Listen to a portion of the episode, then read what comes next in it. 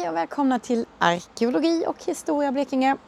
Idag så står jag på min terrass i Karlskrona.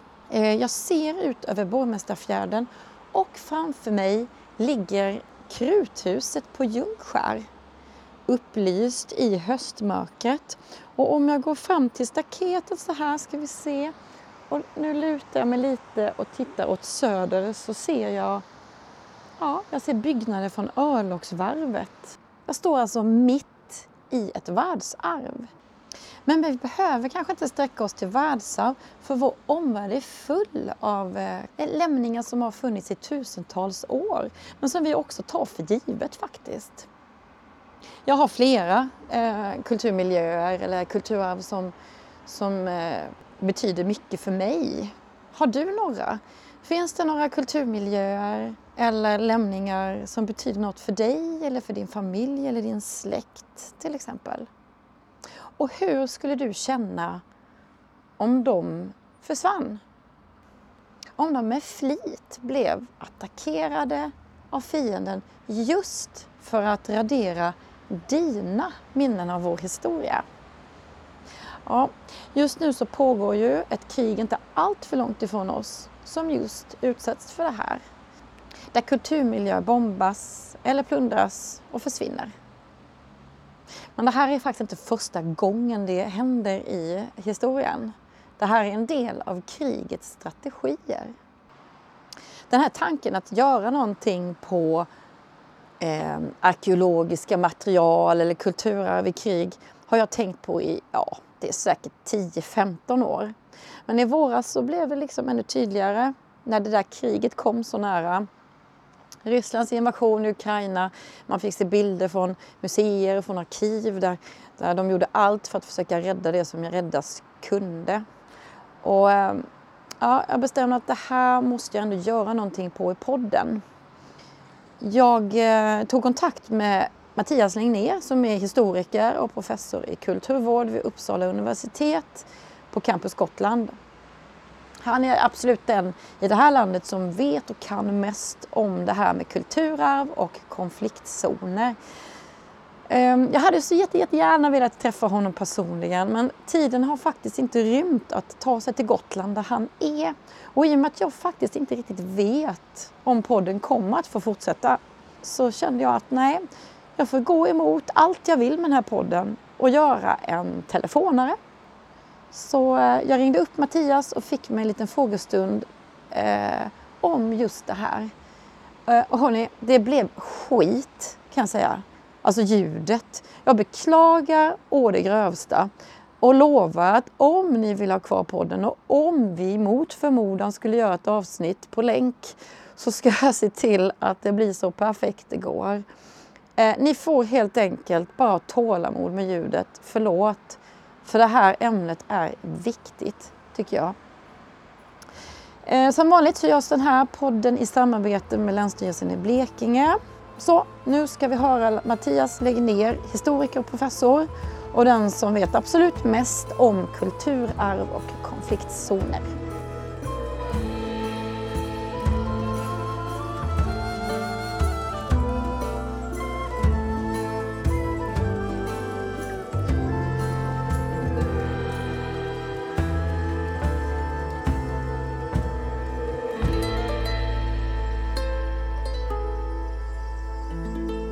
Utan jag vill hälsa dig välkommen Mattias till, till podden. Tack så mycket. Du, eh, det här, jag tänkte vi kunde bara börja med, med att prata om kulturarv. Vad menas med det egentligen? Vad, vad är ett kulturarv?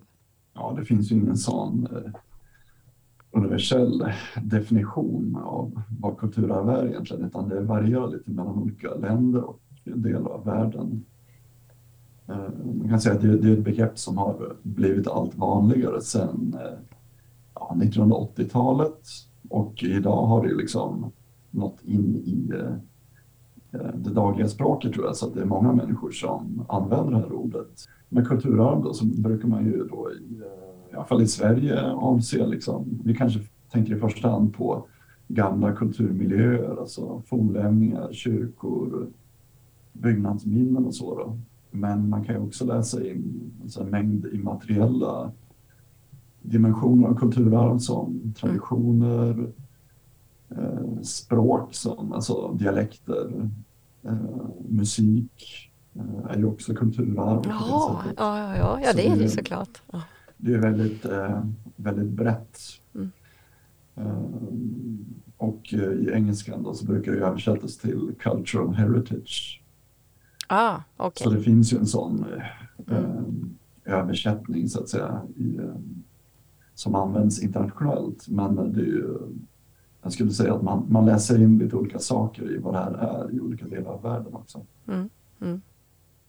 Alltså, eh, vilka värden ligger det i kulturmiljöer och kulturarv? Det kan, det kan ju vara alla möjliga, så att säga. men ofta tillskrivs ju kulturarv eh, en stor betydelse för människors identitet, alltså deras kulturella identitet. Att vi, hur vi kan orientera oss i tid och rum. Mm. Uh, på ett, uh, att, liksom att kulturarvet underlättar för oss att, att känna igen liksom, var, våra, ja, var vårt samhälle var tidigare i historien och var vi är idag och kanske också var, lite grann vart vi är på väg någonstans. Att kulturarvet kan, kan hjälpa oss i det. Då. Men sen finns det ju många andra värden också. Det finns ju liksom stora ekonomiska värden med att kulturarv idag är en i, på många platser är det en viktig del av turistindustrin. Att det ja, ja, absolut. lockar besökare och bidrar till eh, ja, ekonomisk tillväxt mm. Eh, i många regioner.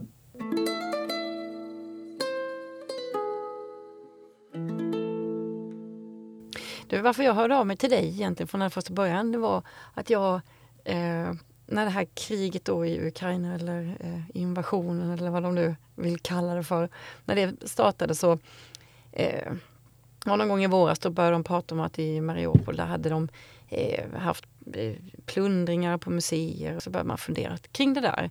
Eh, och det var därför jag tänkte ju idag att vi skulle prata om, eller du, om eh, kulturarv i konfliktzoner. Varför har det kommit sig att, att eh, kulturmiljöer har blivit måltavlor i krig?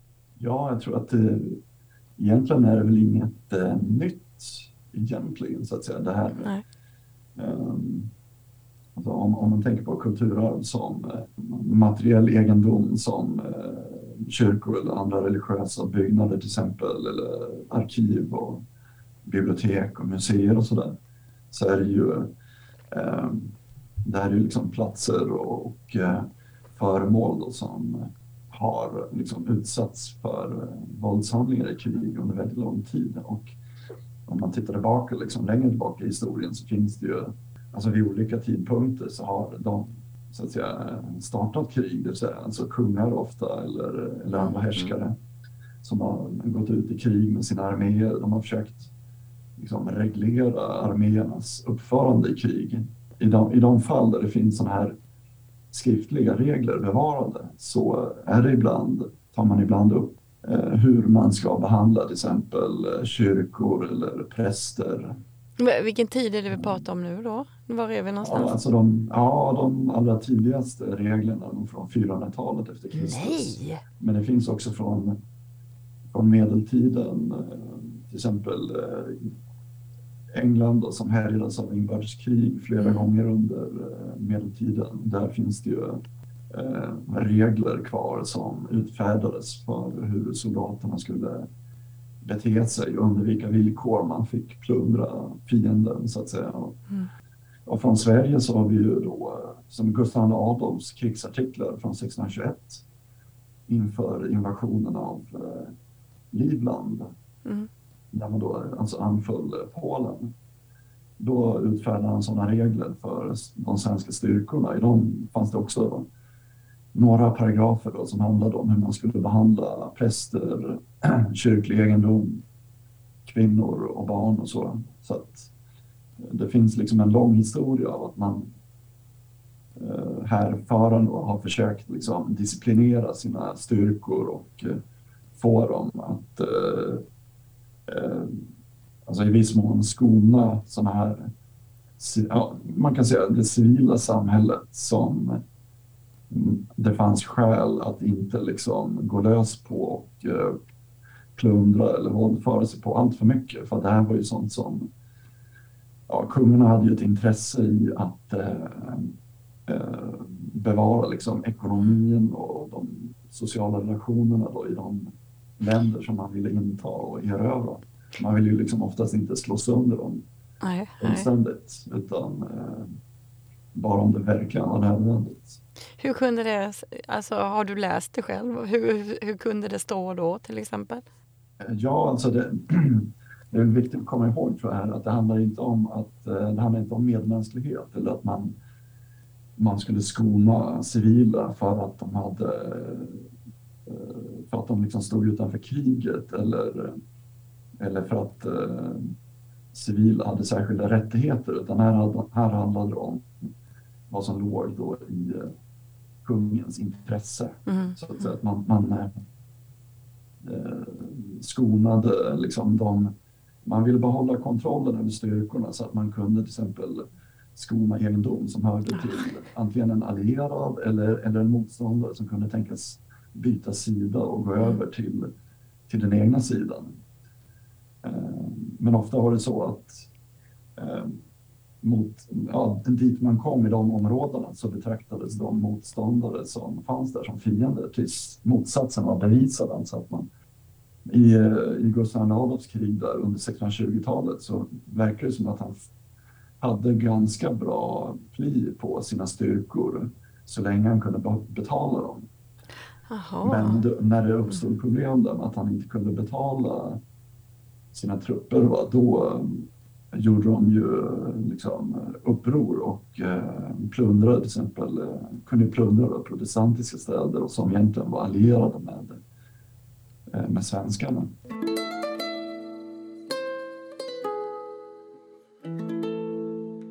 Men eh, vad är tanken med att eh, förstöra eller förinta folks kulturarv eller deras historia? Vad är det man vill liksom åstadkomma med det?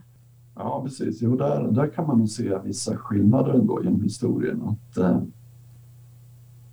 det är en sak, alltså kyrkor och kloster och sådär har ju ofta attackerats därför att de eh, eh, antingen för att de använts som, eh, som fästningar eller, eh, eh eller så av fienden eller, eller för att de just har suttit på stora rikedomar. Det är en lite annan sak att anfalla liksom en en plats eller en byggnad på grund av dess symboliska betydelse som, som ett kulturarv. Eh, och där, där har man ju kunnat se under, under krig i vår tid att eh, eh sådana kulturarv har ju ofta, eh, tycks det som, blivit måltavlor för olika väpnade rörelser, särskilt i inbördeskrig som i Mellanöstern eller i delar av Afrika, mm, mm. där eh, religiöst motiverade eh, gerillastyrkor eller andra liksom, här asymmetriska styrkor som inte direkt representerar en stat. Att de har eh, då liksom gett sig på kulturarv som, som man då tycker representerar antingen västerlandet och dess syn på kulturarv mm. eller att det representerar liksom motståndarens kultur och, eh, och religion. Mm. Eh, så där, där ser vi väl en, en sån tendens tror jag under de senaste årtiondena. Mm. Och till exempel i inbördeskriget i det forna Jugoslavien på 1990-talet så blev det väldigt tydligt med att det var ett, ett krig med eh, starka kulturella förtecken där eh, väldigt många eh, religiösa platser blev attackerade avsiktligt och förstörda just därför att de representerade liksom motståndarens kultur som man ville, man ville utplåna. Jag tror att det ytterst egentligen handlar om att man vill, den som gör det här strävar ofta efter att Eh, upprätta ett annat slags samhälle. Man tänker sig liksom en framtid som är rensad från de här motståndarnas eh, kultur.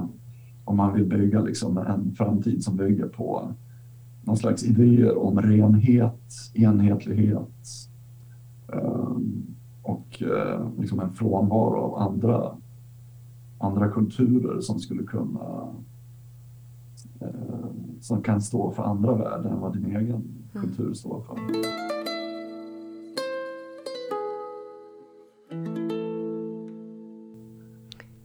Ja, jag tänkte på det nu när man har följt den senaste konflikten här, eller Ukraina som pågår för fullt. Ehm, det här att de, att, eh, att de har plundrat och tagit med sig, det var, ja, någonstans i våras så hade det eh, hade de fått med sig någon 2300 år gammal eh, guldskatt och sådär. Mm. Är det Eh, nu vet inte jag om du vet det, men är det, liksom, är det soldaterna i sig eller är de tillsagda eller var det ett ryskt beslut uppifrån? Eller? Ja, till att börja med får man konstatera att det, liksom, medan ett krig pågår så är det väldigt svårt att ja, med någon exakthet säga eh, precis vad som har hänt och mm. eh, försöka förklara varför det har hänt i det här kriget ser vi liksom att det pågår så här desinformation hela tiden och det sprids väldigt mycket rykten som går i sociala medier och eh, i nyheter. Och nyhetsförmedlingen är väldigt eh, ja, bristfällig på så vis också att det liksom inte finns eh, oberoende journalister på plats där liksom, de här striderna utkämpas.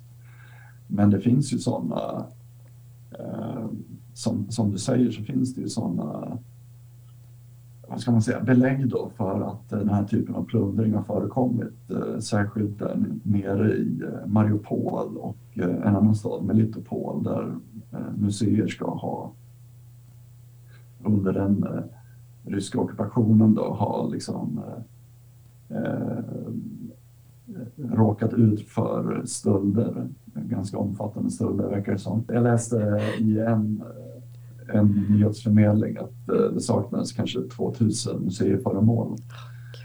Och det här är ju liksom en, eh, ett område i Ukraina som har en enormt rik eh, historia som går väldigt långt tillbaka i tiden, alltså till den, ja, den grekiska antiken.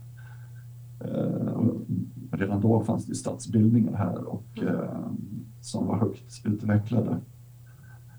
Så det finns eh, det är sådana nyheter som har spridits som att ryska soldater ska ha brutit sig in i eh, konstmuseet i Mariupol och eh, på ett väldigt målmedvetet sätt ha liksom, utpressat personal där att avslöja var de har liksom, gömt undan de mest värdefulla föremålen och även att man skulle ha fört undan, mm. alltså tagit föremål därifrån. Mm. Det är också så att man, det finns bevis, eh, liksom, eller belägg för att eh, ryska soldater har grävt i sådana här kurganer, de här stora gravhögarna som finns nere vid Krimhalvön. Alltså i, i forntida gravar? Eller? Ja, precis. Ja. Förmodligen för att de har velat använda dem som, som skyttevärn. Mm. Man, man har grävt eh, grävt ner sig i dem helt enkelt mm. för att skydda sig alltså upprätta en front ja. eh, mot Ukraina. Då. Jag har själv inte sett bilder på det men jag, men jag har läst om det och eh, det, verkar, det verkar väl sannolikt. Mm. Men samtidigt är det väldigt svårt att säga vad, vad det är som görs avsiktligt och vad det är som görs liksom, kanske mindre genomtänkt som en del av eh, krigföringen så att säga. Mm, mm. Men det är ganska uppenbart att eh, ryssarna, alltså den här ryska ledningen ser det här kriget som ett eh, inte bara ett krig i en strategisk mening, att man vill överta och behålla territorier, utan att man också ser det här som ett, eh, ja man skulle väl kunna kalla det för ett existentiellt krig, alltså att man Eh, Vladimir Putin förnekar ju Ukrainas rätt att existera som en mm. självständig stat. Menar ju liksom att åtminstone delar av Ukraina borde vara en del av Ryssland.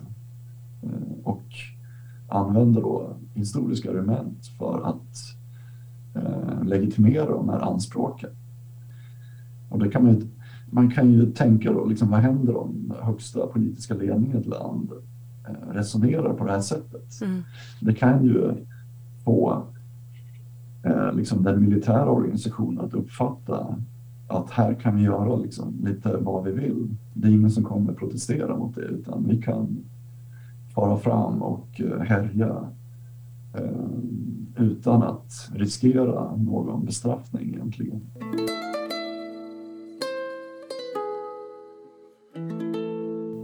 Men eh, vi touchade lite i början där. Ehm, alltså kulturarvet är skyddat enligt folkrätten. Ehm, alltså det finns lagar för att kriga rätt, eller vad ska jag säga? Ja, man kan, ja, man kan ju säga att det finns ju i alla fall en internationell normbildning som, mm. som har existerat ganska länge. Den går ju egentligen tillbaka till, eh, ska man säga, ja, tankarna som föddes eh, efter Krimkriget som var extremt blodigt och eh, som ja, både för soldaterna och, och för civila och det ledde fram till en flera internationella möten då om hur man kunde gå tillväga för att liksom reglera det militära uppförandet i krig och eh, så att säga minska, både minska skadorna på civilsamhällen men också reglera liksom hur man tog krigsfångar och eh, hur de skulle behandlas eh, i krig och även hur ockuperade områden skulle förvaltas. Mm. Och efter andra världskriget då, som ju var eh, väldigt förödande för eh, eh, civilsamhällen så fanns det väl en eh, i stora delar av världssamfundet då en, eh, en vilja om att eh, man, man ville förebygga liksom ett eh, framtida världskrig och eh, bland annat då skapa ett, ett regelverk, ett modernt regelverk som anpassat för Eh, den tidens krig. Och det ledde då fram till den här eh, konventionen om eh, skydd för kulturegendom i händelse av väpnad konflikt, eller Haagkonventionen då 1954. Mm. Så, och där fanns det en bred uppslutning bakom den när den, när den togs. Det var ju bo, eh, både, både öst och västblocken var med och eh, gick in i den här konventionen så att säga. Så att, eh, Sovjetunionen eh, skrev under eh, den här konventionen och det innebär ju att både idag är ju liksom både Ryssland och eh, Ukraina är ju då skulle då egentligen vara underkastade den här konventionen då, som säger att man, man ska göra sitt yttersta för att undvika eh, att eh, använda kulturarv eller att angripa kulturarv i, mm. i krig. Men nu, om man säger när förhoppningsvis snart det här kriget är över, ehm, kan Ryssland på något vis ställas inför rätta då? Eller hur fungerar det? Just när det gäller kulturarvet. Jo, men det, alltså ryska eh, politiska ledare och eh, militärer skulle, skulle ju teoretiskt sett i alla fall kunna ställas inför rätta. Och eh, idag så pågår det liksom en omfattande dokumentation av eh, liksom de skador och övergrepp som har, som har ägt rum i Ukraina under kriget.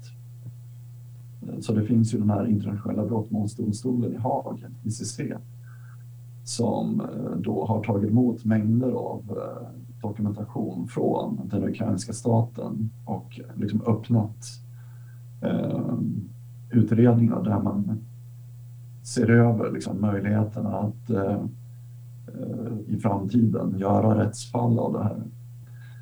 Ukraina får också hjälp i att eh, dokumentera skador på sitt kulturarv och det är eh, Smithsonian i USA mm. som har eh, startat ett projekt där man med hjälp av satellitbilder då kartlägger Eh, bebyggelsen i Ukraina i de här krigsdrabbade områdena. Så med hjälp av satellitbilder och så eh, samlar man kontinuerligt information så att säga om vad, hur eh, till exempel kulturmiljöer som kyrkor eller sådana här kulturhus som är vanligt förekommande i Ukraina. Hur de, hur de har skadats mm. och man försöker fastställa när det har ägt rum och så Men man samlar in mycket annan information också i form av foton, vittnesmål, eh, filmer som människor laddar upp i sociala medier. Det finns också hemsidor där, eh, människor då uppmanas att eh, eh ladda upp liksom information om, om de vet att en kulturmiljö har skadats så att säga. Mm. Och sen publiceras den då på nätet också av eh, det ukrainska kulturdepartementet. Ja, så det pågår ju mycket dokumentation.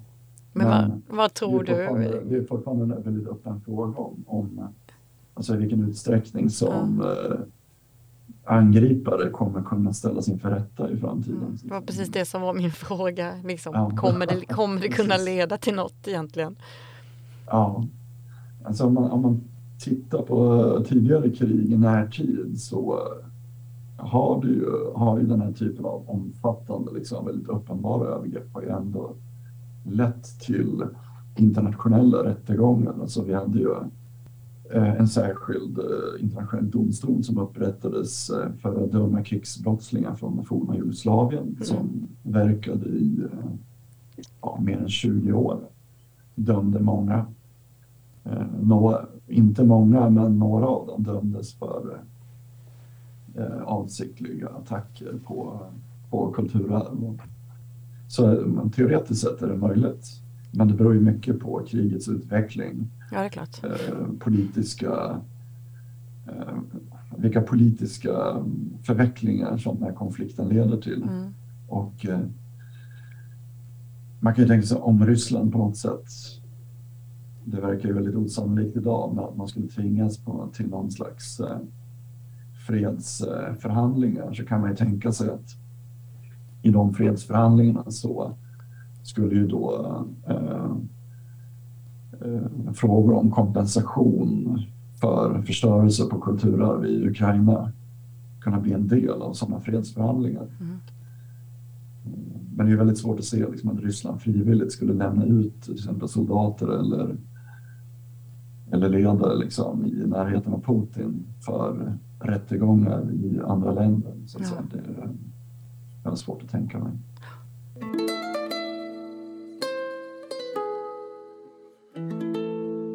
Vad, vad, kan vi göra i fredstid? Finns det eh, förberedelser? Har vi i Sverige förberett oss eh, för att skydda vårt kulturarv om det skulle bli krig eller konflikter här? Alltså det, det korta svaret är ju nej, eh, nej, det har vi inte gjort liksom i Eh, i närtid så att säga. Vi, vi har gjort det, men vi har erfarenheter från tidigare konflikter. Under andra världskriget så gjordes det ganska mycket eh, vidtogs det ganska många åtgärder på olika håll i Sverige. Eh, jag skriver om det i en, en bok som jag kom ut med tidigare i år som heter Världen att värna. Där jag eh, behandlar då den, svenska Eh, svenska situationen före och under andra världskriget och jämföra med andra nordiska länder, hur man gjorde där. Mm. Eh, men sen under kalla kriget så eh, gjorde vi också ganska mycket planer, som, alltså detaljerade planer för hur man skulle kunna skydda samlingar i museer och eh, arkiv och bibliotek i en krigssituation. Under 60-talet så var det en kan man säga att den här planeringen var som, eh, var som bäst och eh, mest detaljerad och sen efterhand så sjönk eh, den här beredskapen då, precis som i samhället i övrigt så att säga så eh, sänkte man ju garden eh, mot slutet av det kalla kriget på 80-talet när eh, risken för ett större krig blev allt mindre. Mm. så att från och med slutet av 1900-talet så kan man säga fanns det ingen sån här eh, beredskap längre. Okay. Och det är först under det sista året här och mm. särskilt sedan 24 eh, februari då, när, när Ukraina angreps igen som eh, man har eh, börjat eh, se över beredskapen även för kulturarvsområdet. Så att idag så händer ju faktiskt en del. Vad då? Vad gör man då? Man kan säga att det, till den allra första början där så för, förra året kan man säga, det var förra året som det började och då var det Myndigheten för samhällsskydd och beredskap som, som hade då börjat inse att man hade ett visst ansvar för att hjälpa de statliga museerna och eh, Riksarkivet och Kungliga biblioteket och så där i en, i en beredskapssituation. Men, mm. men det fanns ingen egentlig eh, kun, ingen kunskap inom myndigheten för. Så då blev jag kontaktad av MSB och, eh, och Riksantikvarieämbetet som också har myndighetsansvar här mot de, eh, kan man säga, mot kulturarvsområdet i Sverige.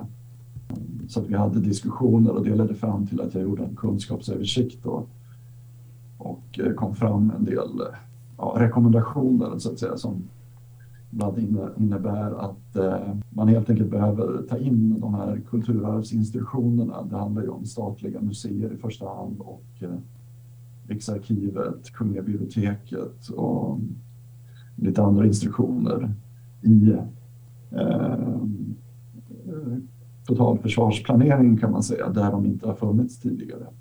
Och då kommer det behövas till exempel en beredskap för att kunna forsla undan en del av de mest värdefulla samlingarna som finns på utsatta ställen. Kanske till, eh, till säkrare orter. Det kan be betyda att man måste bygga nya magasin som är säkrare än de som finns idag för mm. samlingar. De, de som finns idag är ju inte ja, de har byggts för att vara säkra mot eh, brand, inbrott, eh, översvämning och sådär, kanske i bästa fall. Mm. Eh, men de ligger inte på säkra platser och de är inte byggda för att fungera vid höjd beredskap eller, eller konflikt till och med.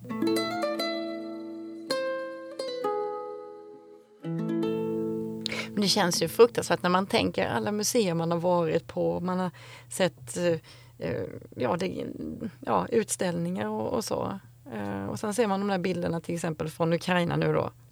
Eh, där det bara är helt förstört, det inte finns någonting kvar. Eller hur, hur stor katastrof, katastrof, är det egentligen när det blir så? Att allt, allt det förintas, liksom, det försvinner. Mm. Ja, det, det, finns en del skillnader mellan liksom, Ukraina och Sverige vad gäller eh, jag, säger, jag, skulle säga att vi, vi har en bättre beredskap än vad Ukraina hade i början av det här året. För att, till exempel så hade de inget, de har inget eh, register över till exempel eh, kulturmiljöer eller eller fornlämningar okay. som vi har i Sverige. Ja. Eh, däremot så har inte vi heller, och det hade inte de heller, något, något nationellt register över museisamlingar till exempel. Och det kan göra det svårt att eh, om, om till exempel ett, eh, ett eller flera museer skulle, skulle drabbas av liksom, stora förluster av föremål och så där så kan det vara problem att efteråt försöka uppskatta liksom, vad, vad blev det för mm. skador, så att säga. Mm. Vad, var det som, vad var det som försvann? Eh, men vi har totalt sett tror jag en, en bättre beredskap. Kulturarvssektorn i Ukraina har ju varit under, liksom underbemannad, underfinansierad i många, eh, i många år. Mm. Eh, vilket också innebar att när, när det här kriget bröt ut så trots att liksom Ukraina egentligen befunnit sig i, i krig med Ryssland sedan 2014 så hade man inte eh, material för att kunna packa ner föremål. Man hade liksom inte transporter för att kunna föra undan samlingar från museerna. Eh, man hade inte liksom, tillgång till personal som kunde hjälpa till med kort varsel. För många var ju, eh, många var ju redan, antingen hade de lämnat landet eller befann sig på en annan ort eller hade blivit inskrivna i försvaret. Mm. Eh, så att de här liksom, mekanismerna som behövde finnas på plats för att kunna ha en bra beredskap fanns helt enkelt inte. Ja, just det. Men, och, det, och det ledde ju till, liksom, eh, kan man tycka, onödigt stora skador mm. ändå. Men om vi säger så här nu, vi, vi säger som Karlskrona till exempel, som är en världsarvsstad. Eh, vi har museer, ett museum som har eh, artefakter, alltså rena fynd som ligger. Eh, det finns olika eh, arkiv, det finns också byggnader och så. Vem är det som ansvarar för att det ska finnas en plan för allt det här? Om utifall ryssen då kommer till exempel, eller någon annan. Ja, just det. Jo, precis. Jag tror ansvaret i, i det fallet ligger på, på flera aktörer. Alltså eftersom Karlskrona är ett världsarv så har Riksantikvarieämbetet har till exempel ett ansvar för att peka eller märka ut byggnader enligt den här Haagkonventionen. Alltså man, ett arbete som är påbörjat idag med att förteckna byggnader och andra platser som ska skyddas enligt den här konventionen. Och då har man till exempel här på Gotland så har man märkt ut de här platserna med en blåvit sköld som är Haagkonventionens emblem. Oh, okay. mm. Sen kan man ju säga att då Länsstyrelsen har ju ett ansvar för att samarbeta med olika sådana här aktörer som arkiv, eh, museer och hjälpa dem att planera, eh, planera för hur man ska forsla undan samlingar. I, vi har ju beredskap och mm. vart de ska föras i så fall. Mm. Så att Länsstyrelsen skulle kunna hjälpa till med att skaffa fram lokaler som eh, ska användas till det. Mm. Men... Sen har vi ju ja, Myndigheten för samhällsskydd och beredskap kan, kan också eh, hjälpa till här. Eh, därför att, eh, ja nu blir jag lite osäker på, men det är ju liksom eh, hör inte någon del av Karlskronas kulturarv då till liksom, sjöhistoriska Ja, det har vi. Precis, så det är också en del av en statlig mm. myndighet. Mm. Mm. Ja. Så det är flera, flera organisationer här som har ansvar.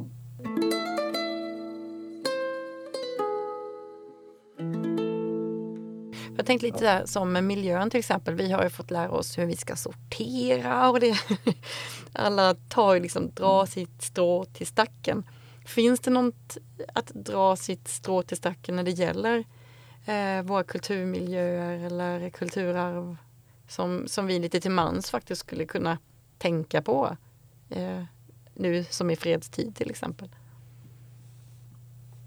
Ja, men det finns ju absolut. I Sverige finns det ju en sen gammalt liksom en, en stark organisation i till exempel hembygdsrörelsen mm. som finns överallt i Sverige. Och det är ju hemskt många svenskar som är engagerade i en hembygdsförening. Mm. Eh, och, och eh, hembygdsrörelsen har ju då eh, ja, de, dels så tar man hand om väldigt mycket traditioner och, och, och gamla seder som man håller vid liv. Men det är också så att man förvaltar ju liksom ett väldigt stort eh, kulturarv också som är utspritt eh, över Sverige. Och här kan ju många människor vara med och, och hjälpa till också lokalt mm. i att eh, ja, se efter sitt eget kulturarv, fundera över vad, eh, vad skulle vi kunna göra i vår hembygdsförening för att eh, kanske bättra på vår beredskap. Det måste inte vara inför ett liksom den osannolika risken för att Sverige hamnar i en konflikt utan det kan också handla om andra typer av liksom, relaterade risker som finns i mm. form av brand eller, eller så. Mm. Jag tycker att eh, till exempel den här stora skogsbranden i Västmanland hotade ju dels liksom, eh, viktiga kulturarv då, som mm. eh, Ängsbergs bruk som är ett världsarv. Då, men där var ju hembygdsrörelsen också behjälplig. Liksom. Man hjälpte ju räddningstjänst och eh, annan personal som var inblandad i att bekämpa skogsbranden då, med eh, kunskaper om trakten mm. så att säga. Men man upplät också hembygdsgårdar som, och lät dem bli sådana här eh, mötesplatser både för lokalbefolkningen och eh, för personalen som planerade liksom, insatser för att bekämpa branden. Så, så det visar också på en liksom en resiliens som finns i eh, lokalsamhällen i Sverige idag. Liksom att, eh, jag tror att många människor skulle vara beredda att ställa upp och, mm. och hjälpa till på det sätt man kan också när det behövs. Mm, jag läste någonstans att det stod det att en en åtgärd är faktiskt att väcka människors intresse för eh, vårt eh, kulturarv och våran historia och så.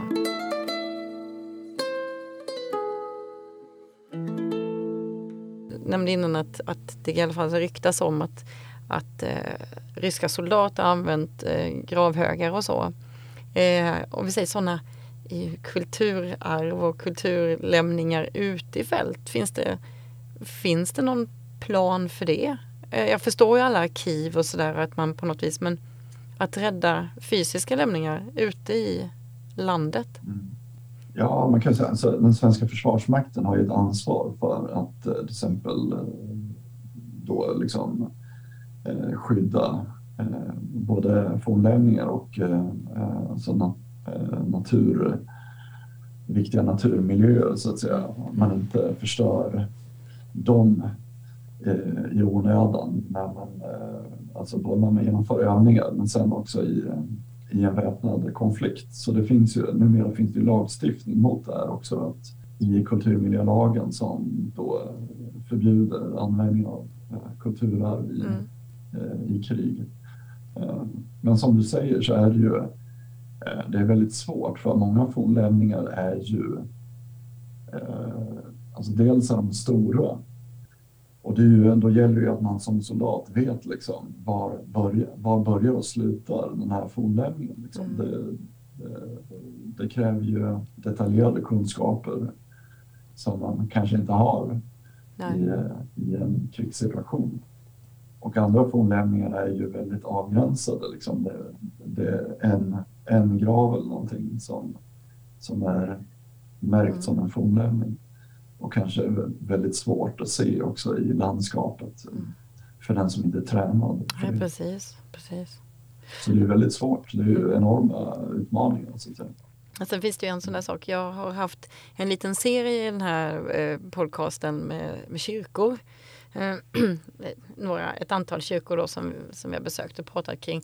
Och det måste jag säga, eh, jag, jag satt och tänkte på det inför vårt samtal här häromdagen nu just hur, många, hur mycket berättelser det finns i varje kyrka. Från, alltså från medeltiden och, fram.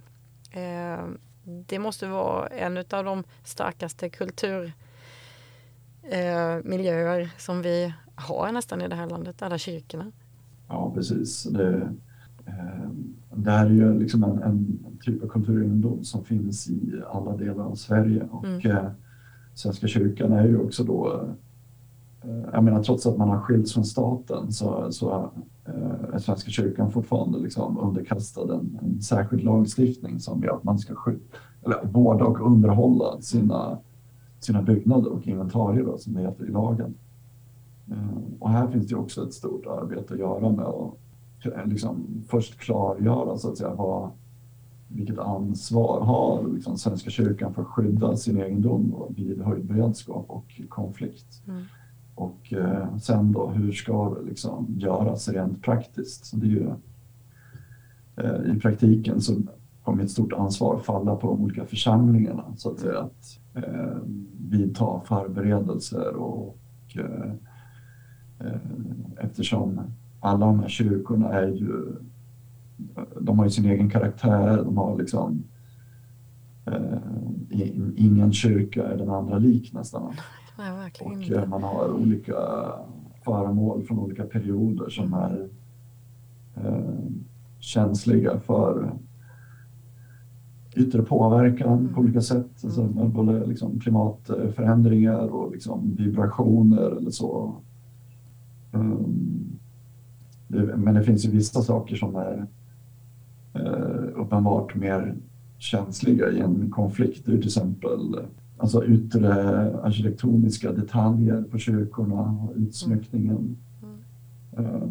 Det kan ju vara glasmålningar i fönstren som är väldigt gamla och som är väldigt känsliga för eh, påverkan eh, som man måste ta ner i värsta fall och eh, skydda på, på en annan plats som man också gjorde under andra världskriget. Och sen även föremål inne i kyrkorna som kan behöva antingen byggas in i skydd eller att man flyttar dem liksom till en mm. säkrare position. Det är ingen liten apparat om det skulle vara så. Nej, Nej. Nej precis. Det är väldigt... Eh, jag menar, man kan ju ta fram planer och sådär i fredstid, absolut. För mm. vad skulle man eh, vad skulle man kunna göra då i en, eh, i en sån här situation? Mm. Finns det någonting eh, som du tycker Mattias att vi som, som vi inte har tagit upp som är viktigt? Nej, jag, jag känner mig ganska nöjd. det finns naturligtvis det mycket, mycket. Eh, ja. mycket mer man kan mm. säga om det här men eh, Det är mycket att tänka på kan man säga. var intressanta samtal om det här. Ja, En fråga som jag ja, eh, är väldigt engagerad i. ja och jag tror att många, många tänker på det ganska ofta. Eh, Det är inte bara vevradion och, och det man, man funderar kring utan det kan ju vara det. annat än så.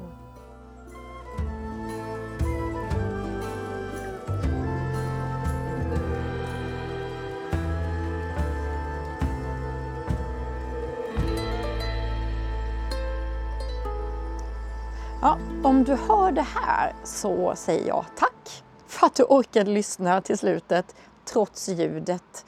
Eh, jag vill verkligen tacka Mattias som tog sig tid och jag tror att det kommer att finnas möjligheter att återkomma i ämnet. Ehm, och vill du höra fler avsnitt från podden så finns de där poddar finns. Och som vanligt, tack Länsstyrelsen i Blekinge som är den som ser till att fler får lära sig mer om kulturmiljöer på sydöstra hörnet av landet, nämligen i Blekinge.